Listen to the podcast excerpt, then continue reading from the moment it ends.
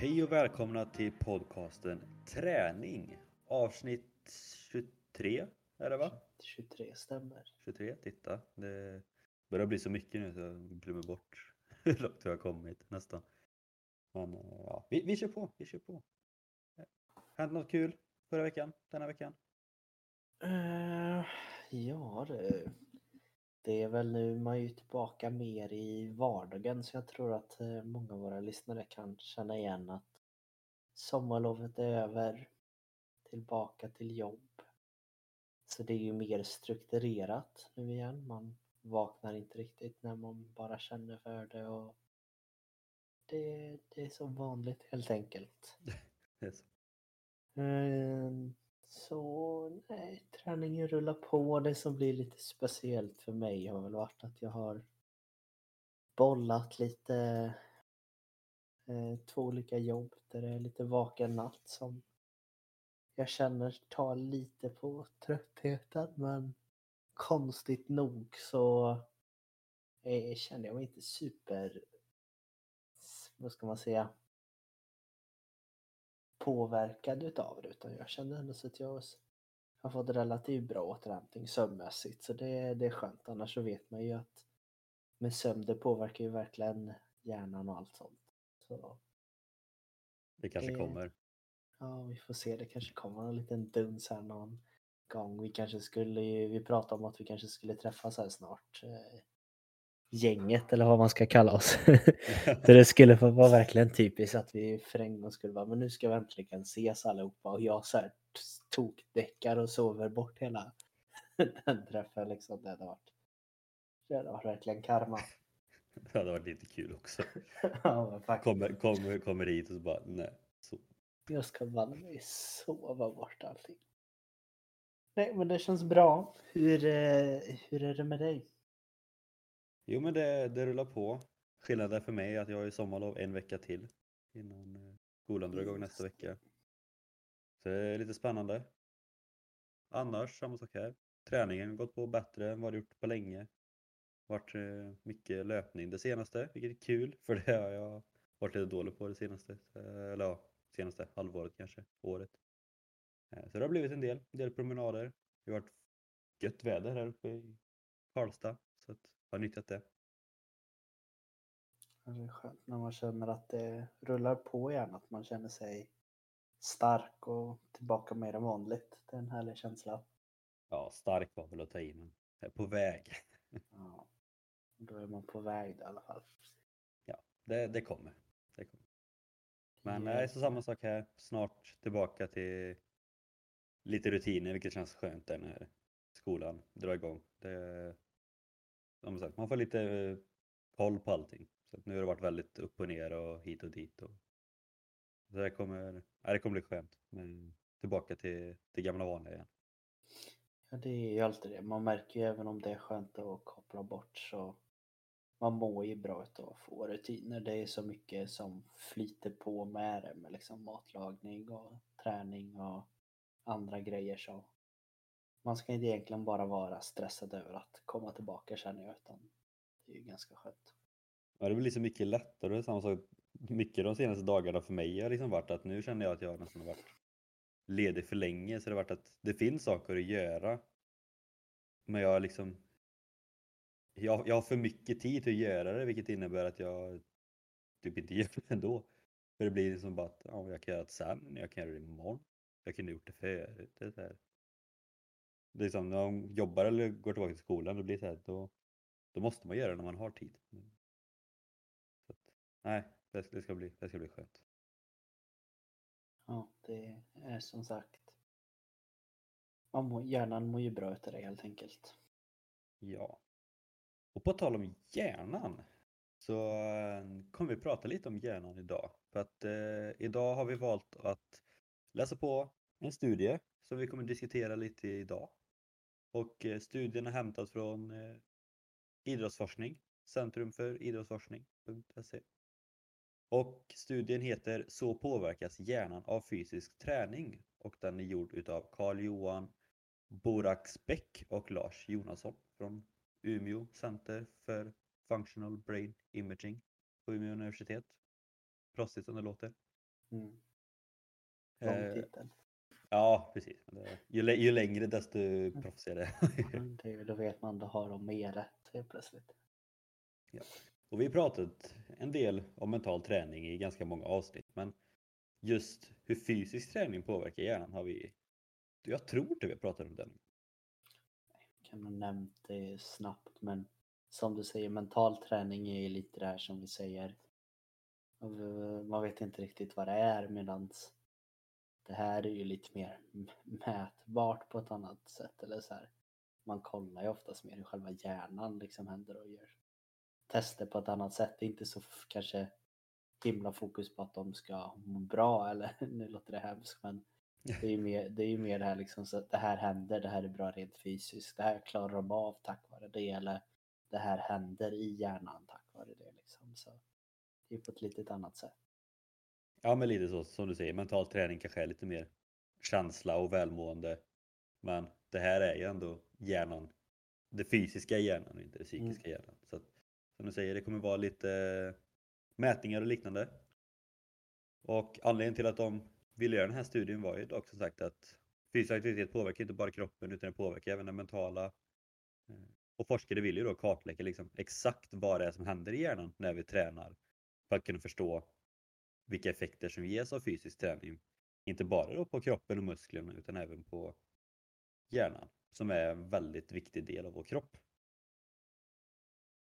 Och människ- genom människans hela liv, eller vad man säger, så har vi varit väldigt beroende av vår fysiska aktivitet och kropp och allting. Liksom, när vi levde förr så var vi ute och jagade och allting. Och nu är det väl kanske mindre för nu är det så mycket kontorsjobb rent fysiskt men då är det ju hjärnan som påfrestas mer. Så att, Mm.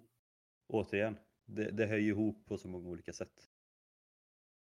Och sen eh, i modern tid så har ju mycket forskning just visat att framförallt konditionsträning bidrar till att minska risken för hjärt och kärlsjukdomar, diabetes och liknande. Så det finns ju återigen mycket forskning på att träning gör väldigt mycket bra för kroppen men återigen väldigt lite för hjärnan. Så det är något Ja. att forskare har gjort väldigt mycket det senaste för att se ja, om det ens händer någonting i hjärnan.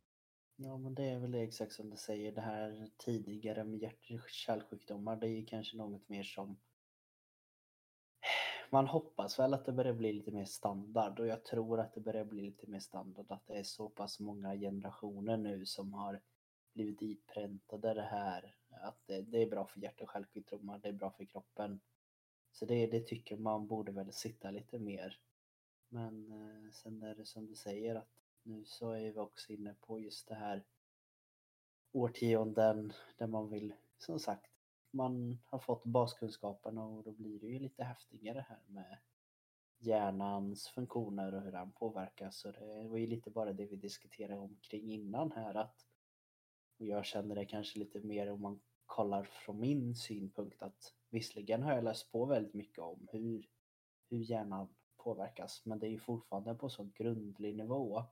För hjärnan är ju så pass komplex, alltså det, det är svårt att greppa den ifall man inte verkligen sätter sig in i det. Det skulle vara verkligen häftigt att ha den kunskapen känner jag eller själv. Om liksom hur, hur kan man specialträna hjärnan liksom med hjälp av träningen.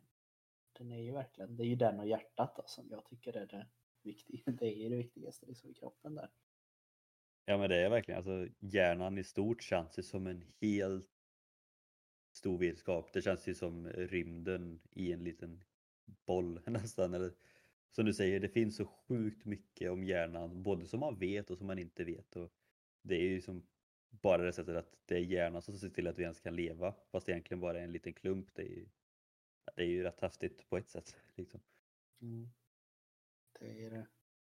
Det blir ju ännu mer nu när man har ändå så förstått den här att träningen hjälper, eller träning och kost och sånt, hjälper ju liksom det här minska risken för hjärt och kärlsjukdomar och diabetes och andra sjukdomar har ju då gjort att vi lever ju längre idag än vi gjorde förr för vi, vi mår ju så mycket bättre vilket gör att det är ju rätt många år längre som hjärnan nu behöver faktiskt eh, arbeta än vad det var förr liksom.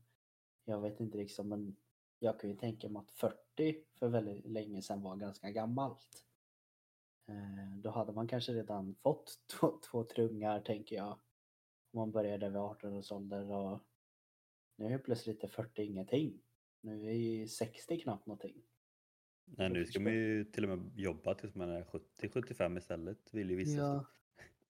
Det är liksom så här, det, det har ju verkligen hänt någonting väldigt, väldigt nu mycket bara de senaste åren och då, då hade jag också kunnat tänka att jag har ju alltid pratat med mina kunder och klienter om det här liksom att ja men du måste träna för att kroppen ska orka.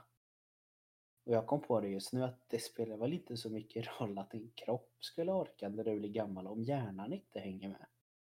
Liksom så här, vad har du för nytta med att du kan sätta dig på huk om inte hjärnan fungerar riktigt? Den kommer inte riktigt ha samma funktion men om hjärnan är helt slut vid 75 då, då, då kanske det inte är så roligt ändå.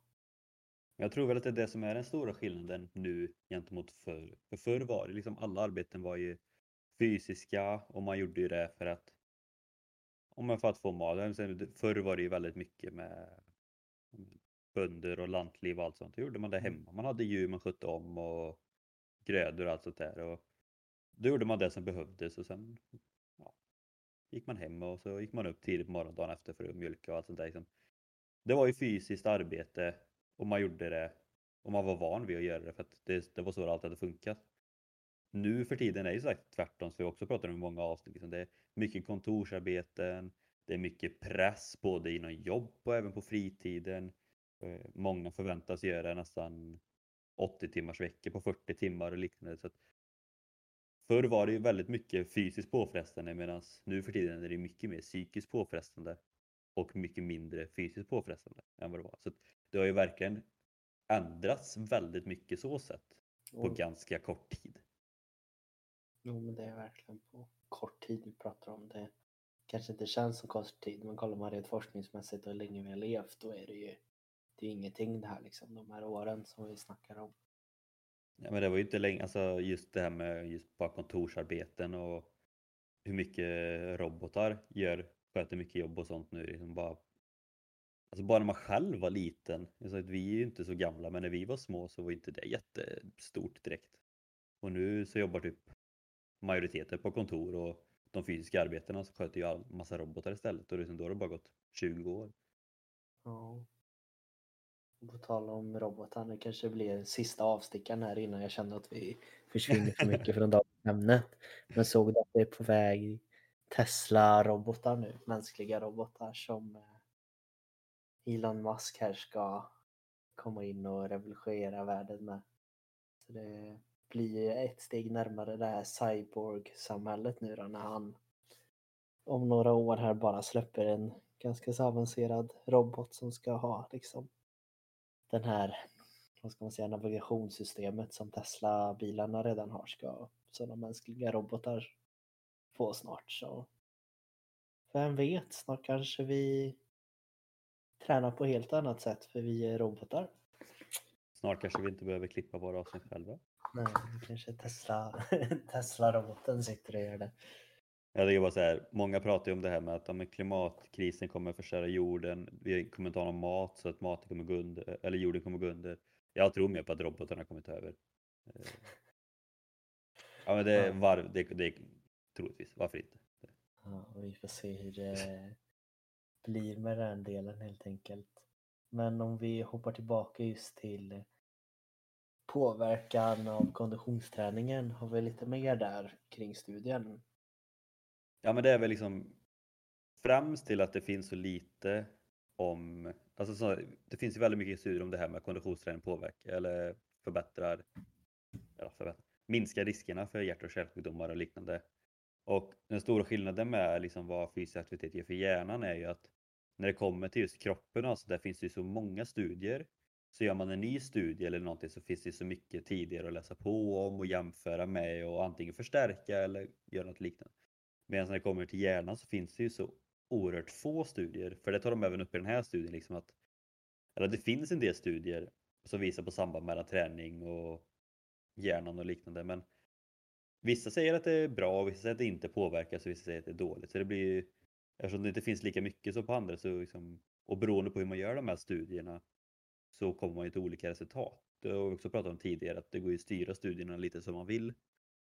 Mm. Så det var väl det de främst ville göra i den här studien, liksom att göra en, göra en större studie med ett bättre mätinstrument för att kunna bryta, ja, men bryta en myt att ja, men så här är det i alla fall. Så innan vi går in på hur själva studien gjordes, jag ska bara ta upp att eh, de tar upp en del om hjärnans plasticitet, som det så fint heter. Och det innebär egentligen att vår hjärna, precis som resten av vår kropp, liksom slits. Dagligt slitage och det, den blir gammal och det blir skador och sjukdomar och allt sånt där. Precis som var som helst i kroppen. Och samma sak där, då, det sker förändringar i vår hjärna och funktionerna försämras. Eh, och det kan bero på att de strukturella förändringarna som sker i vår hjärna minskar i vikt, hjärnbarkens tjocklek minskar och delar av hjärnan krymper. Och nervceller kan eh, försvinna och de som är kvar kan krympa och liknande. Men vår hjärna som vi pratade om, den är ju så sinnessjukt häftig och bra. Så den ändras ju också. Den utvecklas, strukturen ändras och den liksom ja, men den utvecklas ju utifrån vår miljö och hur vi lever. Så det är lite som att den, den rensar bort det som inte behövs och lägger till nytt som behövs istället eller som, som vi behöver utifrån den miljö vi lever i. Så det är egentligen det som menas med hjärnans plasticitet, att den liksom rensar det gamla och får in nytt och fräscht. Precis som vad som helst i kroppen. Samma sak när vi tränar, sliter vi på musklerna, de bryts isär och vi bygger upp större, starkare muskler. Lite liknande. Den är ju fantastiskt anpassningsbar och det är ju något som tas upp mycket här i inledningen att det är ju liksom grunden till varför vi människor finns idag. Att vår kropp är anpassningsbar och det är tack vare den fysiska träningen som vi liksom har överlevt mänskligheten. Att vi har kunnat bli starkare, anpassa hjärnan, eh, orka att springa, orka att gå. Eh, vi ligger ju lite före där just och de pratar ju också väldigt mycket just om konditionsträning Eh, här i själva studien och det vet man ju så länge att människan är ju faktiskt det. Vi är ju faktiskt ett djur, det är vi ju, men vi är ju det, det djuret som är absolut bäst på långdistanser liksom. Det, är ju, det var ju så vi jagade förr och så vi flydde förr och att människan var duktig på att springa, gå lång sträcka innan man blir helt utslagen. Eller hur man ska säga det. Det har jag, det har jag aldrig tänkt på men det, det är ju så. Kollar man på alla rovdjur så är det så här, smyger sig fram och så drar man en maxlöpning men de orkar inte så länge. Nej, det är ju det. Då blir de hyperventilerade så. Men då var ju det människan kunde ju liksom så här när de jagar vet jag att de kanske såg en en gasell eller något och sen så de kunde ju inte riktigt jaga den och springa ikapp den på de här 100 meterna utan då blev det kanske en sån här tre mils lång jagning där man var fem stycken människor och sen så till slut så kollapsade det här djuret då med människan liksom lunka på i sitt lagom tempo. Redan där börjar det här lagom bara, varför ska vi göra det snabbt när vi kan göra det lagom? Bättre sent än aldrig. Ja, men lite så. Nej, men själva pro- projektet då är ju Fibra-projektet här och man kan väl se att eh, för att förbättra effekterna av fysisk träning på hjärnan och dess minnesfunktioner hos äldre individer så skapades projektet Fibra. Physical Influence on Brain in Aging. Eh, så här börjar man då lite med frivilliga försökspersoner som blev lottade i två olika träningsledargrupper. Eh, Fördelen med det här är att när man har en träningsledd grupp så vet man faktiskt att det blir gjort. Det vet man ju i många studier där eh, de olika träningspersonerna inte riktigt blir styrda. Eh, då är det väldigt lätt för dem att säga att de har gjort passet och sen så kan det bli eh, en liten diff däremellan vad de gör och faktiskt inte gör. Så det, det är bara där tycker jag att det är en bra början.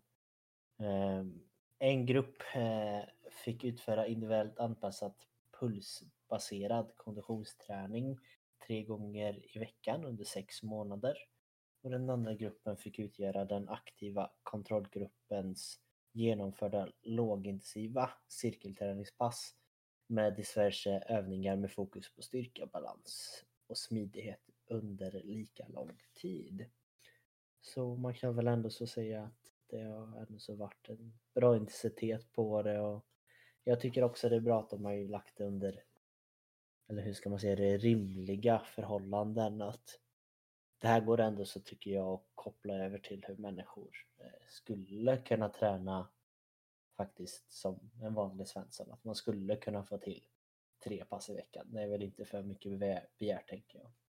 Jag tycker också det är bra att de liksom körde två grupper fast med olika, olika träningstyper. Att en fokuserar kanske mer på kondition och en lite mer på styrka och smidighet. För att I många andra studier så är det ofta att om en grupp tränar på ett visst sätt och andra grupper tränar som de brukar eller tränar inte alls. Mm. Medan i den här studien så kommer man ju oavsett resultat få fram om, båda, om både styrka och kondition ger effekter eller om ingen ger effekt. Eller om det ger olika effekt så blir det ju ändå att man får, man får två svar i en studie. Så att jag tycker ändå att det var rätt smidigt att göra så. Ja men verkligen. Så det, det känns ju som de säger det när de började att de vill ändå så få en, en relativt bra grund att stå på med den här liksom projektet så det skulle kunna hjälpa forskningen framåt. Ehm, men det som skedde här nu var ju att både före och efter träningsperioden mättes deltagarnas syreupptagningsförmåga och hjärnstruktur och blodflöde och samt delar av hjärnans dopaminsystem. Dessutom så användes en stor kognitiv batteri som mätte rad kognitiva funktioner. Eh, och där så vi kom fram till att konditionsträningen påverkade deltagarnas kognitiva funktion generellt sett. Vi såg ingen effekt på det enskilda testet utan det var först när vi slog samman testerna som en eh, mätt episodminne, inklusive funktioner och mental snabbhet som en effekt visade sig. Och vilket då säger då att det här kognitiva batteriet. För jag, jag själv var sen när jag läste vad, vad, vad batteri liksom, det lät så konstigt men en snabb googling så visar det sig att det är egentligen eh, ja, men ett test kan man säga för att eh, utreda misstänkt demenssjukdom. Mm. Eh, så jag vet inte om de använt just det här testet men jag fick fram på Svenskt Demenscentrum kognitiva screeningbatteriet eh, KSP förkortat och den består av tio separata deltester. Så jag antar väl att det är de testerna de liksom använt här och det är det de menar med att tog de bara ett test så såg man ingen jätteskillnad men om man slår ihop 3, 4, 5 eller tio tester så såg man en större skillnad. Ja, men det är väl så det brukar ofta vara att det är ganska svårt att koppla saker till enbart en grej.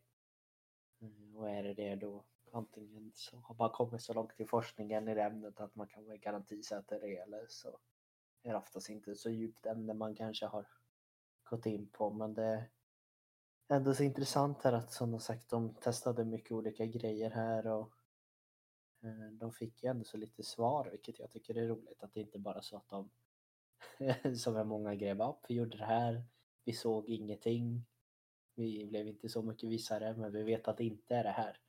Utan eh, här blev det lite att de såg i alla fall eh, lite grejer och detta mönster eh, som man liksom jobbade lite med eller man ska prata om det eh, skulle kunna förklara eh, varför resultatet var bland annat tidigare studier där man använt ett smalare batteri eh, tester och mätt färre kognitiva funktioner. Och då blir det mer igen att man märker att de faktiskt har lagt lite mer tid på detta alltså. Ja, men det, det är inte konstigt alltså sagt. Det beror ju helt på hur mycket tid man har och hur mycket pengar man har eller vilka förutsättningar man har att göra studier. Men sagt, vissa kanske bara har möjlighet att göra en liknande studie fast med ett eller två tester och då, då kanske man inte får fram ett så bra resultat. Medan de här kanske hade all tid i världen och kanske till och med fått pengar för att göra den här studien. Mm. Och då har de säkert haft mycket tid. Sagt, de gjorde den under sex månader, vilket är väldigt lång tid. Och sen sagt ett använt ett mer bredare sånt där batteritester. Då, så att då får man ju, det är klart, ju, mer, ju längre tid man gör en studie och ju, bred, och, ja, ju bättre vad säger man, material man har till att göra studien, desto bättre resultat kommer man få av studien. Så att... Jo, det, det är ju alltid, ja, det är alltid tacksamt när man när det blir sådana här grupper som man märker har fått pengar för det. Även om man vill prata runt det så är det ju ändå så i slutändan tråkigt nog det händer. Det är det det hänger på att har de fått mycket pengar så de kan göra mycket. Ja, men det, mycket är- forskning kring det. ja, och det är ju inte konstigt så. så liksom, vissa forskar på sin fritid och vissa forskar som jobb. Och det är ju det är inte konstigt att de som forskar som jobb förhoppningsvis få bättre resultat för att som sagt, det är det de jobbar med. De får lön för det. Medan de som kanske gör det mer på sin fritid eller för skojs skull, liksom, de, de har fortfarande ett, ett vanligt jobb och så blir det på fritiden men då blir det ju mycket färre timmar till själva studien. Ja. Men äh, återigen liksom till vikten utav det här och äh, om man ändå hittar någon grej så är det väl att de kunde ju egentligen inte se superstora skillnader mellan den här konditionsgruppen och cirkelträningsgruppen just på måttet på våra hjärna. Eh, det var väl mer att man egentligen kunde konstatera att det var desto bättre kondition vid studiens början eh, den här personen eller individen hade, desto tjockare hjärnbark i främre hjärnområdet eh, hade det väl egentligen. Eh, som är viktig för människans förmåga att planera och processa eh, information. Eh, så det är indirekt och ganska tydligt om man vill göra enkelt säger att har du bra kondition så är det en påverkan till att du, du har en, eller det är mer så här, det är enklare för hjärnan att jobba helt enkelt. Jag vet inte riktigt hur man ska göra det så mycket enklare men det är ju det det betyder att tränar du då, då kommer det hjälpa dig med allt. Ja, men lite så. Sen om jag fattar rätt så var det väl liksom att typ när det kom till skillnaden mellan kondition och cirkelsträningsgruppen så var det liksom att när det kom till just den kognitiva förmågan så var det väl liksom ingen jätteskillnad. Så sett medan konditionen sagt den förbättrar syreupptagningsförmågan och då var det egentligen syreupptagningsförmågan så kunde det vara bättre för kanske vissa delar. Så sagt tjockare hjärnbark och, något, och lite mer dopamin så sett. Men just för den kognitiva förmågan så var det väl ganska likt. I princip. Eh, och sen så var det även att det som var lite intressant här var ju att de följde även upp mätningarna efter sex månader. Eh, och där så kunde de se att de personer som förbättrat sin syreupptagningsförmåga mer än de andra hade även en relativ ökning på både ska vi se om vi säger den här hippo, hi- hippocampusvolym Helt. Eh, ja, och samt eh, förändrad funktionell koppling till både främre och bakre områden som är viktiga för kognitiv eh, funktion. Och då blir det igen ytterligare, vad ska man säga, eh, ett, ett, ett resultat i en visan över att när man har hållit i det här och gjort det under en längre tid då blir det ju ytterligare större resultat och det märker man ju desto längre man håller i träning överlag så får man ju större fördelar både eh, fysiska men även liksom sådana här små grejer och, och vid hjärnan om vi börjar prata om det här med hjärt-kärlsjukdomar igen eller hur man ska lägga det. Eh, så det är ju verkligen viktigt att man håller i det även om kanske som vi har sagt här innan nu ett tag att vi tycker att vi haft en lite tyngre period med att träna. Och självklart kanske vi inte har tränat lika mycket som vi hade velat men vi har ändå så tränat lite. Det är ingen av oss som har lagt av helt med det. Nej. Vilket är viktigt för det, det fortsätter ändå så bygger upp allting. Eh, Även om man kanske inte ser det resultatmässigt på att man blir tyngre eller springer snabbare men det är inte alltid det viktigaste utan nu kanske vi har tränat den här hippocampusområdet väldigt, väldigt bra. Får vi tänka Enken. Ja, ja precis. Och jag kan väl även, Jag känner ja, eh, jag kan väl även säga liksom att hippocampus, som sagt ett konstigt ord, men det är liksom en del av hjärnan som egentligen man kan väl säga att det är den är medlaren mellan korttids och långtidsminnet eller allting som har liksom minnet att göra. Inga minnen lagras i hippocampus men det är liksom den som det är som en kopplingsstation som så här förbinder ja, men, minnena med andra delar av hjärnan. Typ. Så att, återigen så är det en väldigt viktig del när det kommer till just många i äldre åldrar så släpper ju minnet lite och det här med demens och allt sånt där. Så det är också därför det var intressant att du gjorde den här studien på äldre. Mm. För att, och då ändå ett bevis på att syreupptagningsförmåga och kondition ändå påverkar hippocampus på ett positivt sätt. Det hade inte jag en aning om att det ens gick, men tydligen så gick det. Nej, inte med de fina orden, men viss, viss förståelse är nog ändå, har jag nog ändå suttit för i och med att jag jobbar en del med äldre. Något som jag hoppas när man får, får den här faktiskt med på papper att så här är det, det är ändå så forskning och de har jobbat mycket med det. Det jag hoppas är att eh, mina äldre släktingar faktiskt lyssnar på det här. Eh, och jag tänker kanske framförallt, vi har haft lite diskussioner här som jag vet har kommit upp till debatt att de har pratat om det här att vissa av dem har nämnt att ja, men jag har liksom aktivt håller på att lösa korsord för att liksom hålla igång det här minnet. Medans jag kanske mer har sagt att ja, men jag vet ju att det finns lite mer faktiskt positiva effekter om du hade gått ut och tränat eller gått istället. Så det ska det bli mitt eh, nästa argument där, tänker jag, om det kommer upp att vi diskuterar detta igen så ska jag prata om hippocampus. Att det är faktiskt, du, du tränar ju faktiskt det. Lägger det är bara, upp, det är bara nämna, det är bara nämna hippocampus så kommer de bara oh shit, han, han har kollat. Ja, jag lägger ett träningsprogram. så här, måndag, träna hippocampus. Tisdag, öka, jobba med dopaminet, eh, extra episodiskt minne. Bara så här, ja, det hade varit coolt.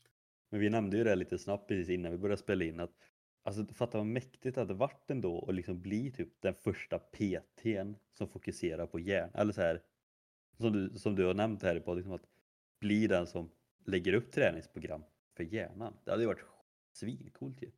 Ja, alltså det hade nu, jag, igen, i och med att jag är så, ändå så pass lite, lite insatt i det här med hjärnan vet jag inte att man tycker att det borde finnas no några som är eh, experter och försöker hjälpa folk att träna för det här, tänker jag. Men sen så kan det inte ha blivit så stort för då borde man ha hört om det. Så, ja, så går min, min logik. Eller så här, hade det funnits några som hade kommit på den optimala träningsupplägget för äldre och träna de här grejerna, då borde ju du och jag antingen hört någon form av eller, eller Ja, men någonstans borde det ju... Ja, man borde ha läst om det.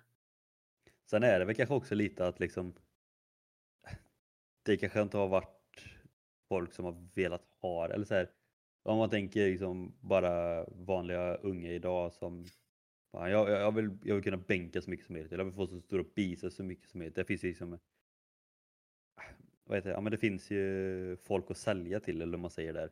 Mm. Det kanske inte är så många som tänker att som sagt, det här är mycket nytt för både dig och mig. Mm. Och då kan jag tänka mig för en vanlig svensson så kanske inte är här direkt att många som bara ah, fan, jag, jag behöver träna hippocampus. Jag, jag önskar att någon visste om det. Så. Mm. Det är just det, kanske inte är någon som fokuserat på det för att affärsmöjligheterna har inte funnits. Jag vet inte. Nej, och sen tror jag helt enkelt att det är fortfarande för svårt. Ja, det också. Eh, så det är väl när vi blir äldre då, förhoppningsvis.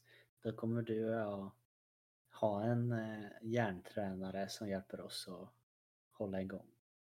Men jag tror helt ärligt inte att det är så svårt egentligen just det här med att just lägga upp om träningsprogram och liknande. Utan det svåra är väl egentligen just det att mäta.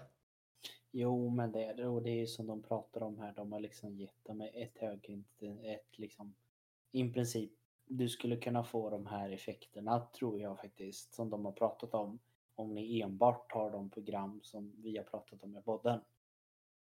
Faktiskt. Om de skulle ta ett, ett, ett av löpprogrammen och ett av styrketräningsprogrammen eller cirkelpasset som ligger på Instagram. Då har de ju det här. Då är plötsligt så tränar de ju bra och då kommer de att få effekter. Vi vet som du säger, vi vet inte riktigt exakt vilka effekter det kommer göra på hjärnan till 100% men du kommer ju få positiva effekter på hjärnan om du gör de träningsprogrammen. Liksom.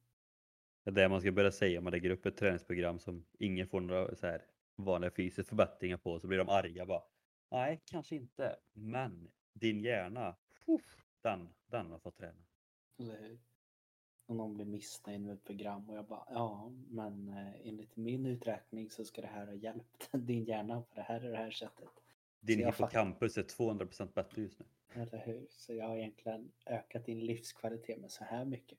Exakt. Så du borde egentligen betala mer. ja, det hade varit något. Nej, men eh, för att gå tillbaka lite igen då. Eh, för de nämnde ju även att eh, anledningen till att det kanske inte var jättestor skillnader mellan de här grupperna var ju för att många personer får ju olika kognitiva reaktioner på olika sätt. Som sagt, hjärnan anpassar sig utifrån hur ens miljö är, hur man lever och liknande. Så att för vissa kanske konditionsträning är mer anpassad utifrån sitt liv medan för någon kanske det här med balans och koordinationsträning påverkar hjärnan mer och då kanske det funkar bättre för dem. Så det är ju lite att även om den här studien fokuserade egentligen från start från konditionsträning så kom de ju fram till i slutet att olika typer av träning påverkar olika typer av människor. Mm. Det är väl det som de också även egentligen avslutar med och är typ en önskan även som vi ganska snabbt kom in på att just med hjärnan här så önskar man ju att forskningen eh, framåt eh, bör och skulle vara väldigt roligt eh, vara ett fokus på individuell nu skillnader i respons på olika förmåner och intensitet på träningen. Att det, det, skulle vara, göra väldigt, väldigt mycket rent forskningsmässigt och vad vi kan göra och hjälpa folk med om man på något sätt kan hitta en koppling mellan just intensitet och träningsform till olika individer och dess eh, bakgrund och dess miljö så man kan verkligen komma in och eh, förstå på mer individ, individuell nivå. För då, då det är ju först då som man verkligen kan hjälpa person till person till person. Eh, och, men som sagt, det är ett litet tag bort där men den här är ju verkligen ett bra steg i rätt riktning. Ja, och det är ju så vi nämnt många gånger tidigare också liksom att framförallt som du brukar säga att vi, vi är inga robotar. Alla personer är olika, alla funkar på sitt egna sätt så att, så att det gäller ju att förstå de individuella skillnaderna som de nämner här. Men som du säger, det är nog ett tag kvar innan vi är där men jag tror också att vi är på god väg och den här studien är nog en väldigt bra grund för att ta stegen framåt. Ja men faktiskt. Och det är ju ännu mer där att som hjärnan och det har nämnt flera gånger här hela tiden att den kopplas ju olika så ingen hjärna är ju den andra lik liksom. Eh, så det är, det är jättesvårt att förutse hur olika hjärnor liksom eller hur olika personer, här är faktiskt inte bara hjärnan, men hur olika personer reagerar på grejer. Eh, och det är väl därför också som vi tänker att det kan vara en liten rolig avslutning med att skicka med liksom fem insikter om hur hjärnan och träning hänger ihop helt enkelt. Så kanske det är någon av de här fem superbra punkterna som passar dig eh, perfekt. Och eh, det här sista som vi tar då, eh, det är eh, skriven utav Thomas Dejeborg. Eh, och då är det fem insikter om hjärnan och träning. Så första punkten här så pratar han om att träning hänger ihop med minnet. När vi tränar så bildas fler, fler kopplingar i hjärnan och de förbindelser som redan finns mellan nervcellerna blir starkare. Hjärnan kan beskrivas som en dator med ett nätverk och har en stark och har starka kopplingar i hjärnan hänger ihop med ett gott minne och tvärtom. Så kort och gott är de, det de har pratat om innan som sagt att det, det kommer att hjälpa dig bra med hjärnan där. Om du tränar lite bara. Punkt 2. Ju mer och hårdare du tränar, desto bättre för hjärnan. En studie på Vasaloppsåkare visar att det finns skillnader mellan vältränade och extremt vältränade. De som tränar mest och åker snabbast har minst risk att få hjärnsjukdomar jämfört med de som åker långsammare. Det verkar dock som att fysisk träning har större effekt för vissa sjukdomar än andra. Så, men det är också egentligen som, som all träning. Alltså, ju bättre tränad man är, desto bättre är kroppen förberedd på olika saker. Och samma sak här då. Ju bättre tränad man är, desto mindre chans det att få hjärnsjukdomar. Men genom att bara vara lite aktiv så minskar du risken att få sjukdomar radikalt. Så jag tror inte det är jättestor skillnad så sett egentligen. Nej, alla lyssnare här behöver inte bli Elitvasloppåkare. Nej. Eh, utan du kan ganska lugnt nöja dig med att gå ut och springa de här gångerna i veckan. Men ni får gärna bli det. Utmana Sebastian i hans mål där. Det får ni gärna bli. Och sen förklara för mig hur man blir det så jag också kan bli det sen. eh, punkt 3. Träning kan förebygga demens. Träning får blodkärlen i hjärnan att fungera bättre och blir indirekt förebyggande vid vaskulär demens och har även en positiv effekt på Parkinsons sjukdomen. En nyligen publicerad Göteborgsstudie följde kvinnor från 50 till 90 års ålder och visade att de vältränade hade hela 90% lägre risk att utveckla demens i hög ålder jämförelse med de som hade genomsnittlig kondition. Och lite där tycker jag nästan. Sen ser jag så himla mycket eh, statistikmässigt men redan där så tyckte jag nästan att de visade mot oss lite själva att hade jag fått en 90% lägre risk att få demens för att jag tränar lite hårdare då hade jag nog tränat lite hårdare. Alltså det är ju en ganska bra målbild att ha eller så här, vad heter det? Vad säger man? Ja men sån rot att ha för att vilja pusha sig lite extra. Ja. Jag blir nästan lite rädd. Jag kanske ska gå ut och springa nu.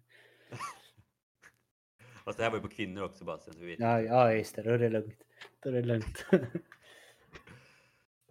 Punkt 4. Äldre får störst effekt av träning jämfört med yngre när det gäller hjärnans exekutiva förmågor. Att ta beslut, planera och organisera. Att ta ut sig och träna så att man blir svettig och trött är rekommendationen om man är frisk för övrigt.